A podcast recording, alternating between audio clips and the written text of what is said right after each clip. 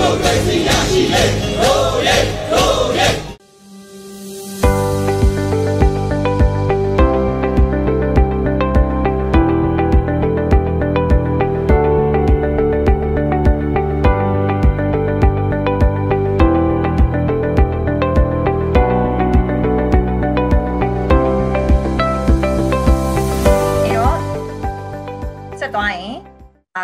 ကဲထည့်ထားတာ turbidity ဆိုတာဘာလဲ turbidity ဆိုတာအဓိက solid ကြောင့်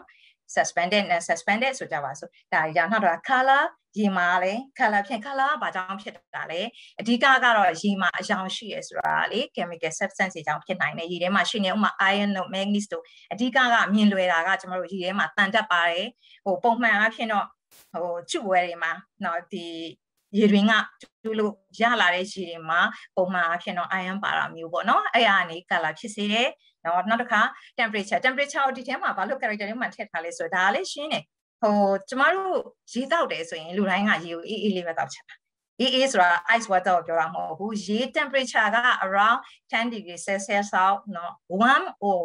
ပူလာတဲ့ရေဆိုရင်ဘယ်သူမှမတောက်ချင်ဘူးဒါကိုလည်း physical ထဲမှာသူထည့်ထားတာပေါ့နော်နောက် taste and order ပြီး ရင် chemical chemical ထဲမှာခုနကကျွန်မပြောသွားပြီ total solid suspended solid နဲ့ suspended solid collider particles ဆိုတာဒီထဲမှာပြောဝင်နေတဲ့ဟာတွေမပြောဝင်နေတဲ့ဟာတွေရောအကုန်လုံးကိုပေါင်းပြီးတော့ total solid လို့ခေါ်တာပေါ့နော်ဒါကဟိုပြောရရင်တော့ဘယ်လိုခေါ်မလဲဒီ technical terms ပေါ့နော် အဲ့တော့တကယ်တည်း water quality ကို water quality ကို analysis လုပ်ရင် total solid ကဘယ်လောက် suspended solid ကဘယ်လောက်ဘာဘယ်လောက်ရှိရင်ဘာကိုဘယ်လိုချမယ်ဆိုတဲ့ဟာမျိုးတွေပေါ့နော်ဒါမျိုးတွေဒါကိုကျွန်မဒီမှာတော့ technical ကိုအတတ်နိုင်ဆုံးနည်းနည်းလေးဟိုကလုပ်ပြီးတော့ရှောင်ပြီးတော့ပြောသွားမယ်နောက်တစ်ခါ pH ဒီ pH ပြဿနာဒီ pH ကရေကတကယ်တမ်းမှာ nature အပေါ့ဘယ်လိုခေါ်မလဲ ရေထဲမှာပါနေတဲ့စားတွေကြောင့်တော့၎င်းတခြား substance တွေကြောင့်၎င်း pH value က neutral မှာမရှိဘူးပေါ့နော်ကျမတို့လွယ်လွယ်လေးနားလဲတာ pH value 7ဆိုရင်တောက်လို့ရပြီလို့အဲ့လိုမျိုးနားလဲတယ်ဒီမှာ pH value ဆိုတဲ့ဟာကကျမပေးချင်တဲ့ဟိုဟာလေး message လေးတစ်ခုဒီမှာရှိရယ်ဘာလဲဆိုတော့ pH 7ဖြစ်တိုင်းမှာတောက်ရမဟုတ်ဘူးအဲ့ဒါလေးကိုကျွန်မပေးခြင်းတယ်ဟို pH က one of the chemical characteristic ပဲအဲ့ဒါလေးပဲအဲ့တော့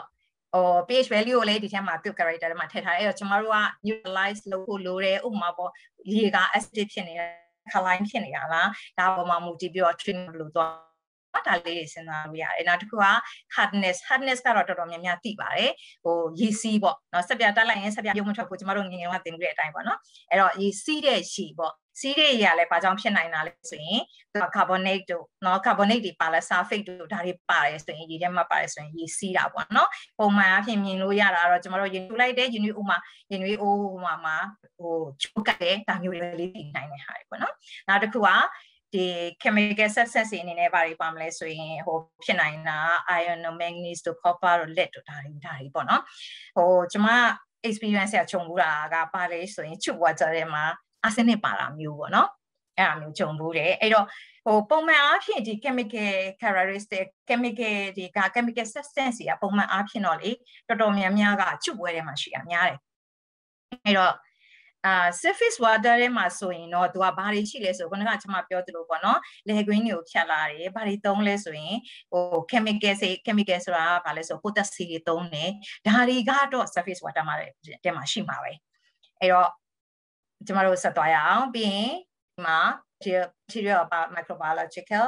အဲ့တော့ဒီဟာကတော့ခုနကပြောတယ်ကျမတို့လူမျက်စိနဲ့ပေါ့နော်လူမျက်စိနဲ့မမြင်နိုင်တဲ့အရန်သေးတဲ့အကောင်လေးတွေပေါ့နော်ဒါလေးတွေဒါလေးတွေကလူကိုဟိုဟာဖြစ်စေတယ် win show ဝင်ပြဖြစ်စေတယ်ပြီးရင် hepatitis ပေါ့အသေးအသေးရောင်အတဝါဒါတွေဖြစ်စေတယ်အဲ့လို bacteria မျိုးတွေအဲ့လို protozoa မျိုးတွေကိုကျွန်တော်တို့ pathogen လို့ပြောတာပေါ့နော်အဓိက treatment လုပ်ရမှာကအရေးကြီးဆုံးက အဲ့ဒါပဲ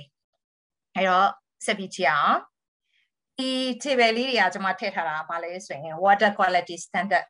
ထည့်ထားပေးရဒါဟိုပြောရရင် YouTube ကနေ download ပေါ့နော်နောက်ပြန်ကြည့်ချင်တဲ့သူတွေရှိခဲ့ရင်လေဒါလေးတွေကိုဟိုလုပ်လို့ရအောင်ပေါ့နော်ဟိုကြည့်လို့ရအောင် reference အနေနဲ့ထည့်ပေးထားတာပါဒီနေရာမှာဟို WHO ပေါ့ကျွန်တော်တို့နိုင်ငံကကျွန်မနားလည်တဲ့လောက်တော့ WHO guideline ကိုဟိုဟာလုပ်ပါတယ် follow လုပ်တယ်ပေါ့နော်ဟိုကျွန်တော်တို့နိုင်ငံမှာ standard ရှိပါတယ်ဒါပေမဲ့ကျွန်မဒီကနေ assess လုပ်ဖို့ခဲ့နေတဲ့ခါကျတော့ ဟိုမထည့်ထားတာပေါ့နော်ဒါကဟို some other countries တွေနဲ့ WHO ရဲ့ standard လေးတွေကိုဖော်ပြပေးထားတာအဲ့မှာအများကြီးပဲ substance တွေကဟိုဆိုကြပါစို့ဒီမှာ arsenic လိုဟာမျိုးဆိုရင်ဒီဟိုက WHO က10 microgram per liter ဒါကသူရဲ့ allowable limit ပေါ့နော်ဒီတဲ့ပို့သွားရင် arsenic လိုဟာမျိုးကပါလဲဆိုတော့သူက toxic toxic ဆိုတော့ long term သူက effect ဖြစ်တာမျိုးအဲ့တော့ဒီတနေ့နည်းနည်းနည်းနည်းနည်းနည်းနည်း point စင်ကိုစားနေတယ်ဆိုရင်ဘာဖြစ်တတ်လဲဆိုတော့နောက်နောက်မှာ तू ကဘာတွေလဲဟိုကျမဟိုတည်တလောက်ကအဲ့လိုမျိုးစိတ်ဟိုဖြစ်တယ်ဆိုရင်ဟိုကလေးမမွေးတာမျိုးလို့ဆိုကြပါဆိုအဲ့လို effect မျိုးတွေပေါ့နော် long term effects ပေးတယ်ဒီ chemical စီကအဲ့တော့ short ဟိုလောလောလတ်လတ်ဖြစ်နိုင်တဲ့ effect ကတော့ခုနက pathogenic bacteria ပေါ့နော်အဲ့ဒါမျိုးတွေချောင်းသူက wind shoulder wind jet တာဒါတွေကချက်ချင်းလည်းဖြစ်တဲ့ဥစ္စာ chemical ကြတော့အဲ့လိုမဟုတ်ဘူးသူက long term effect ပေးရမျိုးပေါ့နော်အဲ့တော့နေရာမှာဒီစရာလေးကိုကျွန်မ skip လုပ်လိုက်မယ်ကျော်လိုက်မယ်ပေါ့နော် okay အဲ့တော့ဆက်သွားမှာဟုတ်ပြီရေထဲမှာဘာတွေရှိနေလဲသိပြီရေုံမြင်ပြီအဲ့တော့ဒါကိုတန့်စင်တဲ့ clean water safe water အောင်ဘယ်လိုလုပ်ကြမလဲပေါ့နော်အဲ့တော့ဘာလို့ water treatment importance ဖြစ်လဲဆိုတာကိုလည်းဒီမှာကျွန်မထပ်ပြီးရေးပြီးထားတယ်အဓိကကတော့ပါလဲဆိုရင် safe water ကိုတောက်ရင်ဘာဖြစ်မလဲဆိုတာသိပြီးသားဖြစ်နေတဲ့ဆရာ water treatment က safe water ဖြစ်အောင်ကျွန်တော်တို့ treatment လုပ်ဖို့လိုပြီဆိုတာကိုလိုတယ်ဆိုတာကိုဒါလေးကိုဆက်သွားရအောင်အဲ့တော့မှာနောက်တစ်ခုကတော့ဗာလဲဆိုရင် treatment process တွေဘာတွေရှိလဲအဲ့တော့ physical treatment ရှိမယ်ပြီးရင် chemical treatment ရှိမယ် biological treatment biological treatment ကတော့ဒီနေရာဒါလေးမှာထည့်ပေးထားတာ just for knowledge ပါဟိုအဓိကကပါလဲဆိုရင်ဟို waste water ကိုကျမတို့ရေစိုးကိုပေါ့နော်ရေတန့်လောက်တဲ့အချိန်မျိုးမှာသုံးတဲ့ဟို technique တွေပေါ့နော်ဒါလေးတွေပေါ့ပြီးရင်ကျမဆက်သွားမှာက conventional အဲ့တော့ဒီ conventional water treatment process က water treatment process ကတကယ်က ဟိုပြောရရင် not complicated ဟိုပါလေလွယ်တယ်ဒါပေမဲ့ကိုကရေထဲမှာဘာပါနေလဲဆိုတာကိုတေချာမသိရင်တော့ efficient ဖြစ်ချင်မှာဖြစ်နော်ဒါပေမဲ့ဒီ treatment process ကနေရာတိုင်းမှာလူတိုင်းသုံးနေတဲ့ process ကအဲ့တော့အရင်ဆုံးပါရှိလဲဆိုကျမတို့ raw water ရလာမယ် source water collect လုပ်လာမယ်အနေတွေပါလားအနေတွေအများကြီးပါနေလားဒီအနေတွေက screening လုပ်လိုက်လို့စစ်ချလိုက်လို့ရေစစ်နဲ့စစ်လိုက်ရင်ရမလား ရတယ်ဆိုရင်ကျမတို့အရင်ဆုံးဒါကို screening ကိုဘာခေါ်လဲဆိုတော့ဟို technical term နဲ့ပြောရင် pre treatment ပေါ့နော်အရင်ဆုံး pre treatment လုပ်မယ် pre treatment လုပ်မယ် screening ရေစစ်နဲ့စစ်ချလိုက်တယ်စစ်ချလိုက်ပြီးသွားရင်ဒီရေစစ်ကိုဖြတ်သွားတဲ့ဥစ္စာရေစစ်ဆိုတဲ့နေရာမှာရေစစ်မှာ force ရှိအပေါက်တွေရှိတယ် အဲ့တော့ဒီအပေါက်တွေရဲ့ diameter ပေါ်မှာမူတည်ပြီးတော့ तू ကဘလောက် retain အာဖြစ်ချင်ခဲ့မလဲဘလောက်က pass ဖြစ်သွားမလဲဆိုတာမြင်နိုင်တယ်အဲ့တော့ screening screening ပြီးသွားရင်နောက် process ကတကယ်တမ်းကကျမတို့ဟိုလွယ်လွယ်လေးလုပ်လို့ရတဲ့ process ကပါလဲဆိုရင် sedimentation sedimentation ကဘာပြောတာလဲဆိုတော့ရေကိုကျမတို့ container တစ်ခုထဲမှာညိနေအောင်အချိန်တစ်ခု settle လုပ်ထားလိုက်မယ်အဲ့တော့လွယ်လွယ်လေးပြောရရင် ရေထက်လေးတဲ့ particles တွေပေါ့နော်ရေထက်လေးတဲ့ impurities တွေကဒီအချိန်တစ်ခုအတွင်းမှာဒီ container ရဲ့အောက်ခြေမှာတက်ငယ်အောက်ခြေမှာအနေထိုင်မယ်အနေထိုင်တဲ့ဒီဟိုဟာတွေကိုအနေတွေကိုကျမတို့ထုတ်လိုက်မယ်အဲ့တော့ရေကြီးကိုယူမယ်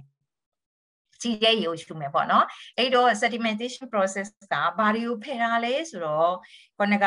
total solid suspended ဖြစ်နေတဲ့ဟာတွေရော non suspended ဖြစ်နေတဲ့ဟာတွေရောဒါတွေကိုအစိတ်ပိုင်းတချို့ပေါ့နော်အစိတ်ပိုင်းတချို့ဆို percentage တချို့သူဖယ်ပေးလို့ရတယ်အဲ့တော့ sedimentation ပြီးသွားရင်ဗာဆက်သွားလို့ရလဲဆိုမြင်နေရအောင်ပါပဲရေထဲမှာအနေလေးတွေရှိနေအောင်တွေ့နေသေးတယ်ဆိုရင်ဗာဆက်သွားလို့ရလဲဆိုကျွန်တော်တို့ filtration ကိုဆက်တော့မယ်ပေါ့နော်အဲ့တော့ကျွန်မဒီမှာပြောချင်တာက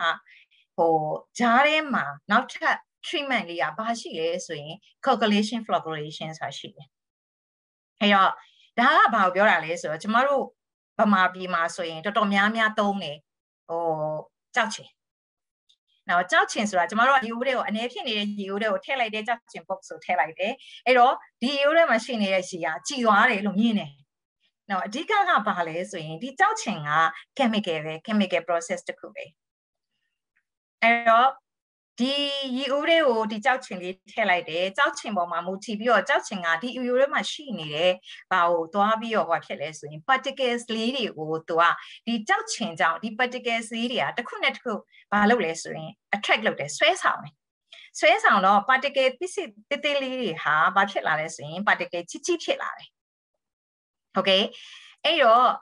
ဟုတ်ပြီ particle ကြီးကြီးဖြစ်လာပြီကြီးကြီးဖြစ်လာပြီးတော့တစ်ခုနဲ့တစ်ခုကတ်သွားအောင်ရောဘာလုပ်လိုက်လဲဆိုရင်ကတ်သွားအောင်ကျွန်တော်တို့ပုံမှန်အဖြစ်ပြောရရင်မှွေပေးတာပေါ့နော်အဲ့တော့ရေလေးကိုနည်းနည်းလေးမှွေပေးလိုက်တယ် gentle ပေါ့ကျန်းတဲ့နည်းနည်းလေးမှွေပေးလိုက်တယ်မှွေပေးလိုက်ပြီးမှွေပေးလိုက်တဲ့အချိန်မှာဘာဖြစ်သွားလဲဆိုတော့ဒီကြောက်ချင်ဟိုဖြစ်တဲ့ဟာဟိုခုနကကြောက်ချင်ကြောင့်ကြီးလာတဲ့ particle လေးတွေဟာဘာဖြစ်လာလဲဆိုရင် ဒီမှွေပေးလိုက်တာကြောင့်ပိုပိုပြီးသူကကြီးလာပြီး solid အဖြစ်ကိုရောက်လာတယ်ပေါ့နော် solid အဖြစ်ရောက်လာတယ်ပိုကြီးလာအဲ့ဒါပြီးတော့မှကျမတို့ sedimentation ကိုသွားရင် sedimentation မှာသူကအနေချဖို့ရခိုင်နှုန်းကအများအများသွားပြီ အဲ့တော့ဒီလို process နဲ့ကျမတို့သွားလို့ရသေးတယ်အဲ့တော့ particle တိတိလေးတွေကိုရိုးရိုးလေးပြောရရင်ပျော်ဝင်နေတဲ့ particle လေးတွေတော့၎င်း particle တိတိလေးတော့၎င်းအဲ့ဒါတွေကိုဘာနဲ့သွားလို့ရလဲဆိုရင်ခုနက chemical calculation လုပ်ခြင်းအပြင်တစ်ခုနဲ့တစ်ခုပေါင်းစည်းအောင်ပေါ့နော်ပေါင်းစည်းအောင်ဟိုဟို ဘယ်လိုပြောမလဲပေါင်းစည်းအောင်တစ်ခုတစ်ခုအနေတွေကိုကြီးလာအောင်လုပ်လို့ရတယ်ပြီးတော့မှဘယ်ကိုဆက်သွားမလဲဆိုရင် sedimentation ကိုဆက်သွားမယ်ပေါ့နော်အဲ့တော့ sedimentation နီးနဲ့ဒီဟာကိုသူအနေချအောင်လုပ်လိုက်မယ်အနေထိုင်ပြီးသွားတယ်ကြံသေးတယ်ဆိုရင်ကျမတို့ဘယ်ကိုဆက်သွားမလဲဆိုရင် filtration ကိုဆက်သွားမယ်အဲ့တော့တစ်ခုရှိတာကဘာလဲဆိုရင်ကျမဆွဆွပြောသလို pathogenic bacteria လို့ဟာမျိုးကတကယ်တမ်းကလူမျက်စိနဲ့လုံးဝမြင်လို့မရဘူးအရန်သေးတဲ့အကောင်လေးတွေပေါ့နော်လွယ်လွယ်လေးပြောရင်အကောင်လေးတွေပေါ့ဒီအကောင်လေးတွေက sedimentation မှာသူက remove မလုပ်နိုင်ဘူး sedimentation နည်းနဲ့သူ့ကို remove မလုပ်နိုင်ဘူး percentage တွေတချို့ပေါ့နော်20%လောက်တော့ remove လုပ်နိုင်တယ်ကျန်တဲ့ဟာတွေအားလုံးကဆက်ပြီးပါသွားအောင်ပါပဲအဲ့တော့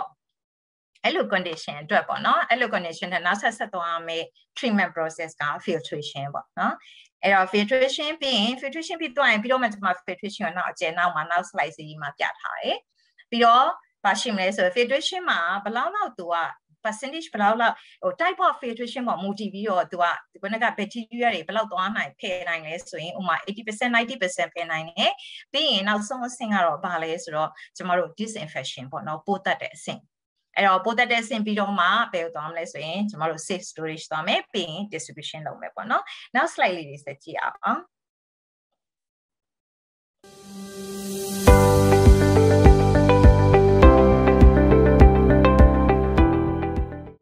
ရေတော်ဘုံအောင်ရမည်ရေတော်ဘုံအောင်ရမည်